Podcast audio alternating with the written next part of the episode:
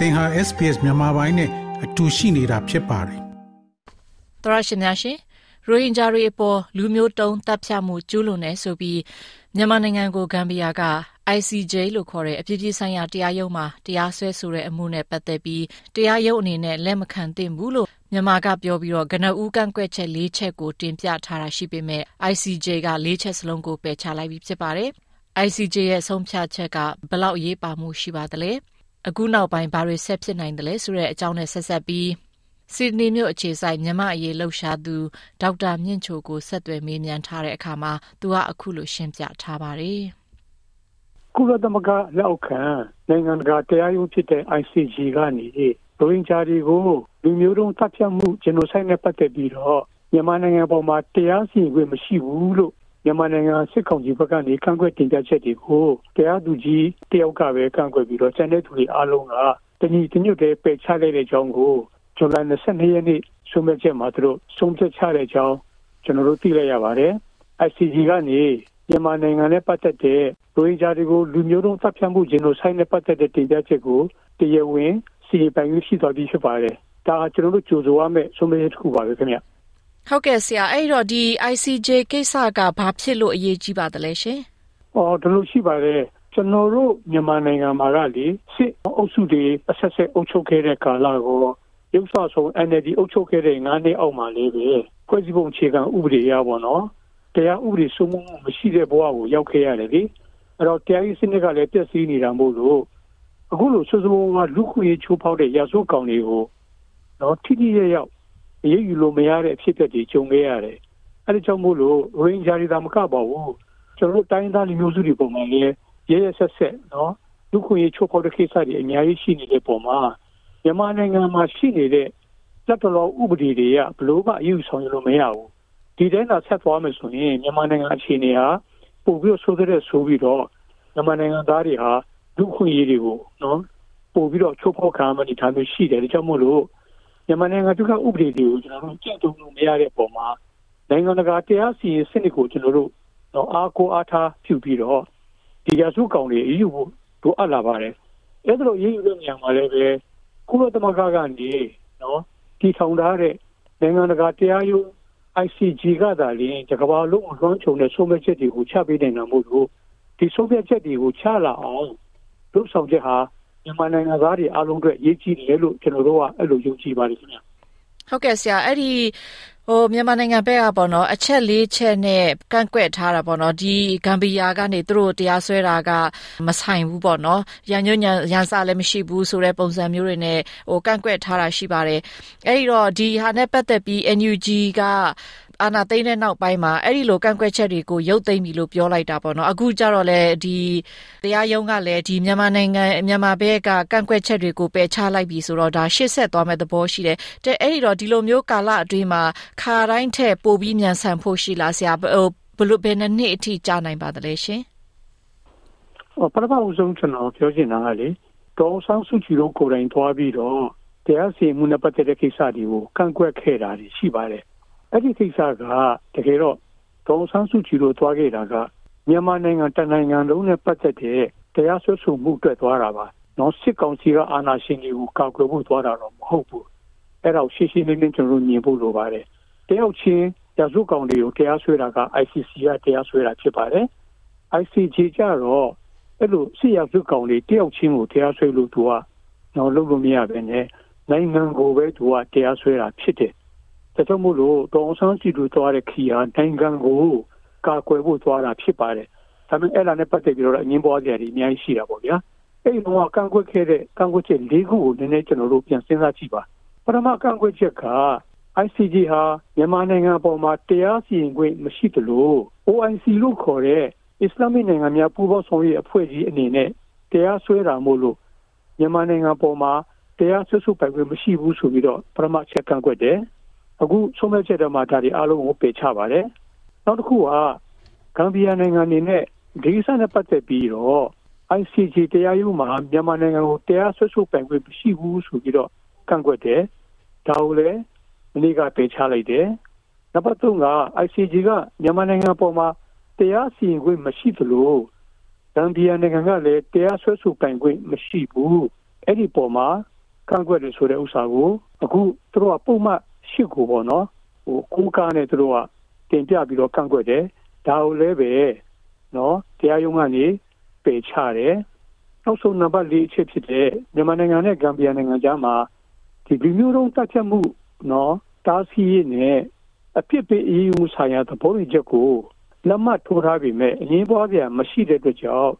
ဂမ်ဘီယာအနေနဲ့မြန်မာနိုင်ငံပေါ်မှာတရားစွဲဆိုပုံမရှိဘူးလို့သူတို့ကကန့်ကွက်တယ်ဒါလည်းပဲတရုတ် တရားသူကြီးကလွင်ကျန်တဲ့တရားသူကြီးအလုံးကပယ်ချတယ်တော့ပြောချင်တာက ICC တရားသူကြီး15ဦးကအားလုံးအများသဘောတူနဲ့ဆုံးဖြတ်တဲ့ကြောင့်အခုအပြည်ပြည်ဆိုင်ရာလူမျိုးတုံးတပ်ဖြတ်မှုတားဆီးရေးနဲ့အပြစ်ပေးမှုဆိုင်ရာသဘောတူချက်အပိုက်ခိုးရဂမ်ဘီယာနိုင်ငံကတရားဝင်လုပ်ပြီးတော့မြန်မာနိုင်ငံကိုတရားစွဲဆိုမှုလက်ခံလိုက်ပြီး ICJ ကလည်းတရားစီရင်ပိုင်ခွင့်ရှိသွားပြီအဲ့ဒီပေါ်မှာ NUG နော်အမျိုးသားညီညွတ်ရေးအစိုးရကကြုံပြီးတော့အဲ့ဒါတွေကိုပြုပါတယ် ပြီးတဲ့ခါကျတော့ဘာဖြစ်ဖြစ်ဒါဟာနိုင်ငံပေါ်မှာတရားစွဲတာတွေဆိုပေမဲ့ဒီအရေးကိုဆက်လက်ဆောင်ရွက်တဲ့ခါမှာနောက်တစ်ဆင့်ကမြန်မာနိုင်ငံထဲမှာကျူးလွန်တဲ့တကယ်လူတွေကိုပါ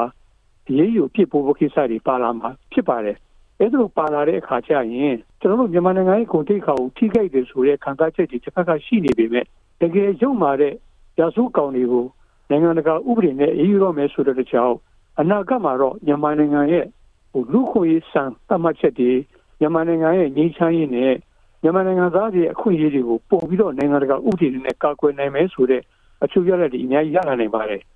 ဒုတိယချက်ကဒီလိုမျိုးဆုံးဖြတ်ချလိုက်တဲ့ပုံမှာလက်ကျင်တစ်ပတ်ခါဒါတွေကိုအေးယူမယ်လို့တော့သတ်မှတ်လို့မရပါဘူး။ဘာကြောင့်လဲဆိုတော့ ICJ အနေနဲ့လုပ်ငန်းတွေကရေရှည်လောရမှာတွေအများကြီးရှိပါတယ်။ဖြစ်စဉ်လဲကြာမှာဖြစ်တယ်လို့ကြားနာတာတွေ နော်နှုတ်နှစ်ဖက်စုံစမ်းစစ်ဆေးတာတွေပြန်လဲကြားနာတာတွေစင်ကြက်ချတာတွေ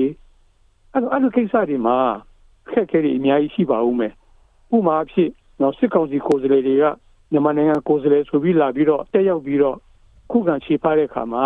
အခုတစ်ဖက်ကဆွဆွတာတွေမဟုတ်မှမပါဘူးဆိုပြီးတော့ဒီတိုင်းပဲဒီဇိုင်းမမဟိုဘယ်လိုပြောမလဲအသိဉာဏ်မဲ့စွာနဲ့ပဲသူတို့ကတော့ဆက်ပြီးခုခံနေဦးမှာပဲကျုပ်ဆွဆုံးကြားနာမှုတွေမလာတော့ဘူးစစ်ဆေးမှုတွေကိုလက်မခံဘူး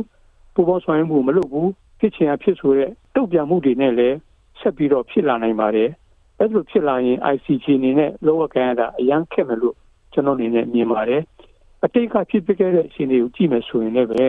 အဲ့ဒါလိုဆွဆွဲခံရတဲ့နိုင်ငံတွေရဲ့ကိုယ်စားလှယ်တွေကဘယ်လိုမျိုးလုပ်ခဲ့တာမျိုးတွေအများကြီးရှိပါတယ်အဲ့ဒီတော့ဒီလုပ်ငန်းကဘလောက်အောင်မြင်မဲမအောင်မြင်မဲဆိုတာခံမှန်းခဲ့ပါတယ်တချို့ဆိုရင်၁၄နှစ်တိကြာတာကိုကျွန်တော်တို့ နော်တမိုင်းကြောင်းရတွေ့ကြုံခဲ့ပူပါတယ်အဲ့တော့အဓိကကတော့ ICG အဖွဲ့ဝင်နိုင်ငံတွေကဒီကိစ္စနဲ့ပတ်သက်ပြီးဘလောက်တက်တက်ကြွကြွထိထိရောက်ထောက်ခံကူညီပံ့ပိုးမယ်တရားစွဲခံရတဲ့မြန်မာနိုင်ငံဘက်ကလည်းဘလောက်ပူပေါင်းဆောင်ရွက်မလဲဆိုတဲ့အပေါ်မှာအခြေခံပြီးတော့ဒီဖြစ်စဉ်ကြီးဟာဘယ်လောက်ကြာမလဲဘယ်လောက်အောင်မြင်မလဲဆိုတာတော့ကျွန်တော်တို့ခံမှန်းလို့ခက်ပါတယ်ဒါပေမဲ့နိုင်ငံတကာကနေအခုလိုမျိုးစံသတ်မှတ်ထားတဲ့နိုင်ငံတကာဥပဒေရရာဇဝတ်ကောင်တွေ ရှိနေတဲ့မြန်မာနိုင်ငံကိုတရားစွဲတာဟာနိုင်ငံဖြစ်ကတော့ကျွန်တော်တို့တိတ်ခါကြသွားပြီမြဲတကယ်ရာဇဝတ်ကောင်တွေကိုကဘာကရည်လို့ရအောင်ပထမအဆင့်ဖြစ်နေတော့ဆုံးဖြတ်ချလိုက်တယ်လို့ကျွန်တော်တို့အနေနဲ့မြင်ပါတယ်ဒါကိုကျွန်တော်တို့ကြိုဆိုပါတယ်ခင်ဗျ ဟုတ်ကဲ့ပါဆရာအခုဆိုရင်ကနေဒါနိုင်ငံနဲ့နယ်သာလန်နိုင်ငံတို့ကတော့ဒီအာဂမ်ဘီယာနိုင်ငံကိုထောက်ခံတဲ့အကြောင်းပြီးတော့တခြားနိုင်ငံတွေလည်းအလားတူလှုပ်ဆောင်ဖို့ဆိုပြီးပြောဆိုထားတာရှိပါတယ်ဆရာအဲ့တော့ဟိုကျမဟိုမသိခင်တော့ကပေါ့လေအဲ့ဒါကိုဒီဩစတြေးလျကလည်းထောက်ခံပြီးသားလို့ထင်ခဲ့တာပေါ့နော်ဆရာအဲ့တော့လောလောဆယ်တော့အဲ့လိုမျိုးအနေထားမဟုတ်သေးတဲ့သဘောလားရှင်ပထမချက်ချင်းနဲ့ပြောရရင်ကျွန်တော်တို့ ICJ ဆိုတာကဒီကုလသမဂ္ဂရဲ့ အဓိကကျတဲ့တရားစီရင်မှန်တိုင်ဖြစ်ပါတယ်ဒီအဖွဲ့ကဆုံးမချက်ချတဲ့ဟာကိုတကဘာလုံးကချွေးချက်မရှိ လိုက်နာရပါတယ်ပြီးတော့ကျွန်တော်တို့1940နဲ့45လောက်မှာဖွဲ့ပြီးတော့1900နဲ့46လောက်မှာလုပ်ငန်းစလုပ်ခဲ့တဲ့ ICG ဟာနော်သူ့လုပ်ငန်းတွေကိုအောင်မြင်ဖို့အတွက်ကျွန်တော်တို့အားလုံးသိတဲ့အတိုင်းပေါ့ဗျာလူမျိုးတုံးစက်ချက်မှုနဲ့ပတ်သက်ပြီးတားဆီးရင်းနဲ့ အဖြစ်ပေးရေးမှုသဘောတူညီချက်ဆိုတာကိုချမှတ်ထားတာရှိတယ်။အဲ့ဒီဥစ္စာကတော့ကျွန်တော်တို့တရားဝင်အသုံးအနှုန်းနဲ့ပြောမယ်ဆိုရင်တော့ Convention on the Prevention and Punishment of the Crimes of Genocide ကိုခေါ်ပါတယ်။အဲ့ဒါကိုကျွန်တော်တို့ ICJ မှာပါတဲ့အဖွဲ့ဝင်140နိုင်ငံတော်တော်များများကနေလက်မှတ်ထိုးထားတာရှိပါတယ်ဆိုတော့နိုင်ငံ140ကျော်လက်မှတ်ထိုးထားပြီးတော့ ဒါကိုကာကွယ်ဖို့နဲ့ကျွလူသူကိုဖမ်းဆီးယူဖို့ဆိုတဲ့တာဝန်ကိုယူထားတာဖြစ်ပါတယ်ဆိုတော့ဒီနိုင်ငံ140ကျော်ထဲမှာမြန်မာနိုင်ငံပါပြီးတော့မြန်မာနိုင်ငံလည်းအရေးမယူဘူးဆိုရင်တော့ကျန်တဲ့နိုင်ငံတွေဖြစ်တဲ့ကနေဒါတို့အာဂျင်တီးနားတို့စသည်ဖြစ်ပေါ့နော်အဲ့ဒါလိုလက်မှတ်ထိုးထားတဲ့နိုင်ငံတွေကလည်းတန်နိုင်ငံချင်းအနေနဲ့နော်သူတို့မှာတာဝန်ရှိတယ်လို့ယူဆပြီးတော့သူတို့နိုင်ငံရဲ့ဥပဒေအရတရားစွဲတာမျိုးတွေလုပ်နိုင်ပါတယ်။ဩစတြေးလျလည်းလုပ်ချင်ရင် လက်မှတ်ထိုးထားတဲ့140ကျော်နိုင်ငံထဲမှာပါတဲ့ကြောင့်သူလည်းလုပ်လို့ရပါတယ်။အဲ့ဒါပူပေါင်းဆောင်မှုလုပ်မယ်ဆိုရင်လည်းပဲ ICJ ရဲ့ခုနတရားစွဲဆိုရင်းနဲ့ပတ်သက်တဲ့လုပ်ငန်းစဉ်မှာအထောက်အကူပြုတယ်လို့ကျွန်တော်တို့အနေနဲ့ယုံကြည်ပါတယ်။အသေးစိတ်ကတော့ဒီဥပဒေကြောင်းနားလေတဲ့ပုံကိုယ်တွေကပို့ပြီးတော့ရှင်းပြနိုင်မယ်လို့ကျွန်တော်ထင်ပါတယ်။ဟုတ်ကဲ့ပါဆရာ။အဲ့တော့ဒီကိစ္စက ဘယ်လိုပြောမလဲဟို ICJ မှာထားပါတော့ဆရာဟိုနောက်50နှစ်ကြာရင်ဒီကိစ္စကဟိုအမှုစီရင်နိုင်တယ်အဲ့ဒီမှာဘယ်လိုပြောမလဲဒီမြန်မာနိုင်ငံကိုအပြည့်ရှိတယ်ပဲဖြစ်ဖြစ်ပေါ့နော်ဒီမြန်မာစစ်တကောင်းဆောင်တွေမှာအပြည့်ရှိတယ်ပဲဖြစ်ဖြစ် ICJ ကဆုံးဖြတ်ပြီးဆိုရင်အဲ့ဒါကတကယ်ကိုဒီမြန်မာနိုင်ငံအတွင်းမှာအာဏာပါဝါတက်ရောက်မှုရှိပါသလားရှင်စောစောကျွန်တော်တင်ပြသလိုပါဗျာအရေးယူခံတဲ့နိုင်ငံအနေနဲ့အာဏာရှိတဲ့အစိုးရကနေအရေးယူထားတဲ့ ခုနပုံကိုယ်တွေကိုသူကိုယ်တိုင်ဖမ်းဆီးပြီးတော့နိုင်ငံတကာတရားရုံးကိုသူတင်ပြမယ်ဆိုရင်တော့ဒီဥစ္စာကတော့တက်ရောက်မှုရှိသွားတာပေါ့ဗျာဥပမာအဖြစ်ဟို1994လောက်မှာဖွဲ့စည်းပြီးတော့1998လောက်မှာเนาะတက်ဝင်ခဲ့တယ်ပေါ့ International Criminal Tribunal for Rwanda တို့လိုနောက်1993လောက်တုန်းကစပြီးတော့2019ထိပေါ့ကြာသွားတဲ့ International Criminal Tribunal for the former Yugoslavia လို့ဟာမျိုးကြတော့ အဲ့ဒီနိုင်ငံတွေမှာတက်လာတဲ့အာဏာရအစိုးရတွေကိုနိုင်ကိုက ICJ ရဲ့ဆုံးဖြတ်ချက်ကိုလက်ခံပြီးတော့သူတို့ကိုယ်တိုင်စစ်ရောက်စိုးကောင်တွေသူတို့နော်ဟိုဘက်ကိုလွှဲပို့လိုက်တဲ့ခါကျတော့အဲ့ဒီလူတွေကို ICJ ကမဟုတ်ရင်တောင်မှ ICC မှာလည်းအဲ့လိုတင်ပြတာမျိုးတွေလုပ်လို့ရတာ mechanism ရန်တရားတွေရှိပါတယ်အဲ့တော့ ICG ကိုပဲတင်ပြပြ ICC ကိုပဲတင်ပြပြဒီလိုအာဏာရနိုင်ငံတွေကနေဖန်ဆီးရေးယူပြီးတော့တင်ပြပြီးလို့ခွဲပို့လိုက်မယ်ဆိုရင်တော့ သက်ဆိုင်ရာနိုင်ငံတကာတရားရုံးတွေကနေဒီလူတွေကိုအေးအေးပြီးတော့အဖြစ်ပေးမှုတွေလုပ်ပါတယ်မြန်မာစစ်ကောင်စီဒီဒီတွေကတော့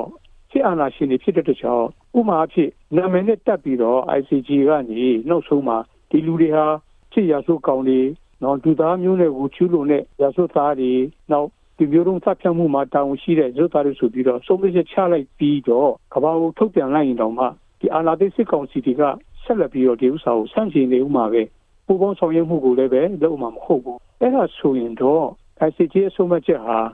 တကယ်လက်တွေ့ကောင်းတဲ့ဖို့ကိုအခက်အခဲအများကြီးရှိပါတယ်တခုပဲရှိတယ်ဒီလူတွေကနိုင်ငံတကာကိုသွားမယ်ဆိုရင်တော့ဟိုနိုင်ငံပေါင်း140ကျော်ကလက်မှတ်ထိုးထားတဲ့ကြောင့်အဲ့ဒီနိုင်ငံတွေတဲကနေတက်တက်ကြွကြွပူးပေါင်းဆောင်ရွက်ပြီးတော့သူတို့စီရောက်လာတဲ့သူတွေကိုဖမ်းဆီးပြီးတော့ပို့လိုက်မယ်ဆိုရင်တော့ဒါကတော့ထိရောက်တဲ့အလုပ်ဆောင်မှုလို့ကျွန်တော်မြင်ပါတယ်အဲ့ဒါလိုဖြစ်ဖို့ကလည်းပဲခက်ပါတယ်ဘာကြောင့်လဲဆိုတော့ စစ်ရစုကောင်တွေကလည်းအဲ့လိုနိုင်ငံမျိုးတွေကိုတွားဖို့ဟာတော်တော်ကြီးကိုသူတို့စဉ်းစားပြီးမှဆုံးဖြတ်ပြီးမှသူတို့လုံးမှာဖြစ်ပါတယ်တွားမှလည်းမဟုတ်ပါဘူးဒါကြောင့်မို့လို့တကယ်ထိရောက်တဲ့တက်တွေ့ဆောင်ရွက်မှုတွေကတော့ကျွန်တော်တို့တွေ့ဖို့အများကြီးခက်ခဲရှိမယ်လို့ကျွန်တော်ထင်ပါတယ်ဒါပေမဲ့အ ਨੇ ဆုံးတစ်ကမ္ဘာလုံးကနေဒီလူတွေဟာမြန်မာနိုင်ငံရဲ့ဂုဏ်သိက္ခာကိုချိုးဖျက်နေတဲ့လူတွေမြန်မာနိုင်ငံသားတွေကိုလူစိတ်မရှိဘဲနဲ့ရဲဆက်ဆက်တပ်ဖြတ်ကျိုးလို့နေတဲ့ရာဇဝတ်ကောင်တွေဆိုတာကိုတော့တိမပြုတဲ့သူဖြစ်သွားတာကိုတော့ကျွန်တော်တို့ပြောလို့ရပါတယ် ဟုတ်ကဲ့ဒေါက်တာမြင့်ကျော်အခုလိုမျိုးစိတ်ရှိလက်ရှိရှင်းပြတဲ့အတွက်အများကြီးကျေးဇူးတင်ပါတယ်ဆရာဟုတ်ကဲ့ကျွန်တော်လည်းကျေးဇူးတင်ပါတယ်ဒါမျိုးသတင်းဆောင်မတွေကိုပိုနားဆင်လိုပါလား Apple Podcast Google Podcast Spotify တို့မှာသင်ပင်ရာဖြစ်ဖြစ်ရယူတဲ့ podcast ကနေပါ